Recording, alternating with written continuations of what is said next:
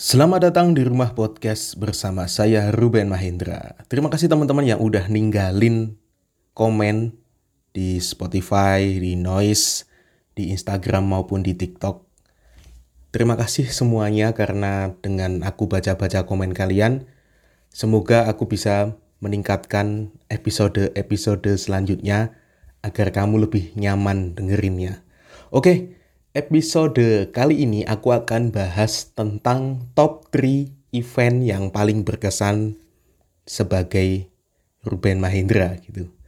Nah, event yang paling berkesan kalau misalnya aku ceritakan gitu ya dari sekian ratus event yang pernah aku bikin bersama tim gitu.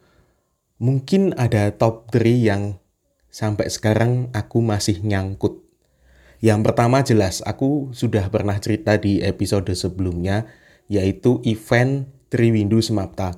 Karena event itu adalah merupakan event pertama kalinya aku ngerasain sebagai event organizer yang uh, semi profesional gitu. Dan tidak hanya itu, pada saat itu aku juga termasuk pencetus uh, soundtrack ulang tahun dan terbukti sampai sekarang adik-adik kelasku itu bikin lagu juga. Dan buat kamu yang pengen tahu seperti apa lagunya, bisa cek di YouTube aku ataupun di SoundCloud. Judulnya Untuk Semapta Tercinta. Nah, kenapa event ini berkesan? Selain karena sebagai titik di mana aku ngerasain bahwa ini rasanya seperti profesional gitu ya. Event ini itu juga selain karena banyak juga pesertanya, itu merupakan event tutup tahunku sebagai pengurus OSIS. Dan informasi, um, pada saat itu, aku itu sebagai ketua satu OSIS Semapta. Nah, di Semapta itu, nggak tahu ya kalau di sekolah lain ya formatnya ada yang namanya ketua umum, ketua 1, 2, 3, sekretaris 1, 2, bendahara 1, dan 2.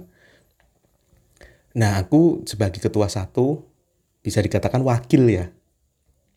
Itu termasuk orang yang mungkin aku nggak pinter-pinter banget pas masa sekolah dulu, tapi aku bisa bikin event gitu karena um, ya aku bisanya itu gitu dan terbukti karena adanya event itu uh, semata dipandang juga karena banyak sekali pesertanya dan termasuk pionir juga ngadain event yang maraton gitu ya.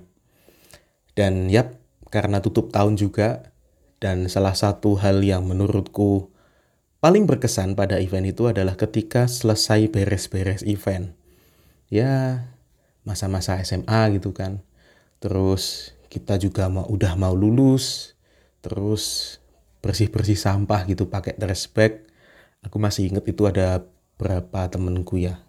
Ada empat empat atau lima orang gitu di lapangan belakang lapangannya yang gede banget itu kan. Di depan panggung kita beres-beres terus kita capek tiduran di tengah lapangan lihat bintang-bintang gitu.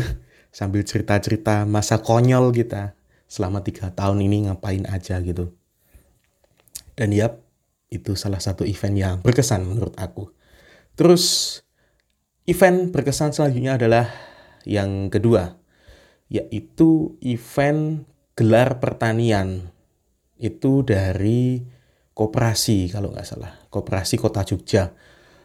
Nah itu event yang termasuk menguji adaptasiku sebagai seorang event organizer dan aku ngerasain banget ketika pas itu adalah musim hujan yang bener-bener deres, super deres. Kalau kamu tahu di balai kota Jogja ini lokasinya. Jadi ada pot-pot tanaman gitu kan. Pot-pot tanaman itu jatuh, bener-bener jatuh ke bawah angin gitu, saking deresnya. Aku bahkan sempet videoin terus aku taruh di highlight. Teman-teman bisa cek di highlight aku di Instagram Nah, daya adaptasi ini karena aku belum lama juga di event, aku tuh belum paham secara betul peranku saat itu tuh harusnya seperti apa gitu kan. Dan ternyata ada beberapa peran yang aku ngerasain kayaknya aku berlebihan deh untuk ngelakuin ngelakuin ini. Karena pada saat itu aku juga uh, apa ya? Kayaknya harus melakukan hal yang sebenarnya aku nggak perlu gitu. Kan kondisi lapangan di um, balai kota Jogja itu di depan itu kalau kena hujan yang terus menerus itu becek becek dan apa itu kamu tahu itu nggak uh, tanah kalau kena hujan terus kan kayak berlumpur gitu ya semi semi itu loh kayak tekstur comberan gitu loh. Nah itu saking derasnya hujan seperti itu. Dan ketika prepare, aku bahkan nggak bawa baju ganti malam itu juga. Aku ikut bantu-bantu untuk nata-nata tempat gitu kan. Dan aku ngerasa kayaknya berlebihan sekarang. Pada saat itu kenapa ya? Kenapa aku uh, terlalu effort gitu ya? dan daya adaptasiku benar-benar diuji sih. Dan aku ngerasa seharusnya ketika pergi keluar kota itu aku harus bawa baju ganti. Aku belajar itu aku harus bawa baju ganti aku harus bawa uh, obat-obatan. Terus ketika kamu di lapangan gitu kan ya daya adaptasi cuacamu itu harus benar-benar diuji gitu. Kamu harus bisa beradaptasi tiba-tiba hujan tiba-tiba panas gitu ya dibanyakin minum air putih gitu kan.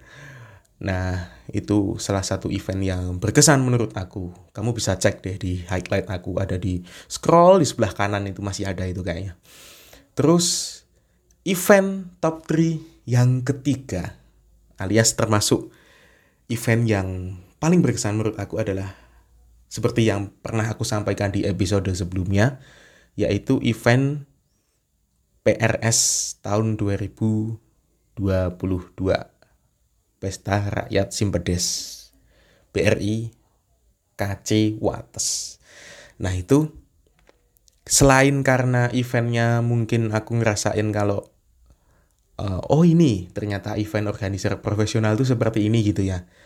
Aku juga ngerasa ada beberapa hal yang uh, aku baru sadar pada saat itu, oh ini tau yang namanya dewasa gitu ya. Karena secara nggak sengaja aku tuh ketemu sama temenku, temenku SMP ini. Aku udah lama banget gak ketemu dan kayaknya orangnya biasa-biasa aja dulu itu SMP gitu kan. Nah pada di pada saat itu di kantor itu uh, semoga dia juga berkenan ya aku bikin konten ini ya. Um, aku melihat oh dia dewasa sekali ya kayak kepemimpinannya gitu kan. Dan uh, ada beberapa kata-kata yang orang orang-orang sekitar pegawai-pegawai situ itu bilang wah kalau Mas Ruben itu udah udah biasa nih kan udah profesional gitu kan. Aku ngerasa oh iya ya. Sepertinya aku ngerasa seperti ini tuh biasa-biasa aja tapi orang lain itu percaya bahwa kamu bisa loh bikin ini gitu kan. Dan tanggung jawab itu pun dibebankan pada kamu karena kamu itu ternyata udah menyandang gelar sebagai orang yang profesional di bidangnya gitu kan. Termasuk temanku ini. Btw temanku cewek ini cantik orangnya. Nah uh, sedewasa itu ternyata kita menghadapi tantangan termasuk perizinan harus ketemu orang ini di mana ada tantangan. Ya banyak hal lah. Di perizinan tahu sendirilah. Kamu pasti juga tahu apa yang aku maksud gitu kan. Terus gimana cara mensikapi orang lain? Gimana caranya uh, bertemu dengan orang lain. Dan gimana caranya ketika kamu tanda kutip memanipulasi orang lain agar nurut sama kamu itu aku benar-benar belajar mulai dari event itu. Dan ya seberkesan itu karena dari proses konsep sampai selesai sampai loading out pembubaran panitia aku ngerasa event Pesta Raya Simpedes 2022 itu adalah event yang sangat berkesan dan aku masukin ke jajaran top 3 event yang pernah aku bentuk bersama tim yang berkesan gitu.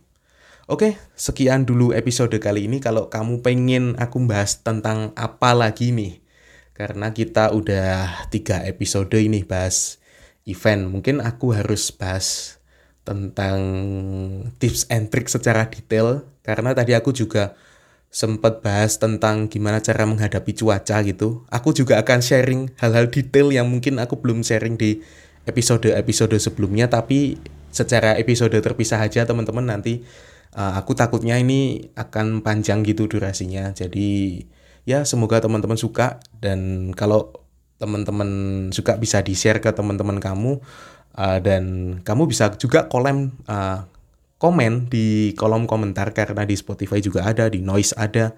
Terus kamu juga bisa sharing di Instagram ataupun di TikToknya at rumah podcast ataupun di Instagram pribadi aku at Rupian. Oke, kayaknya cukup sekian dulu teman-teman. Terima kasih telah mendengarkan episode kali ini. Sampai jumpa di episode selanjutnya.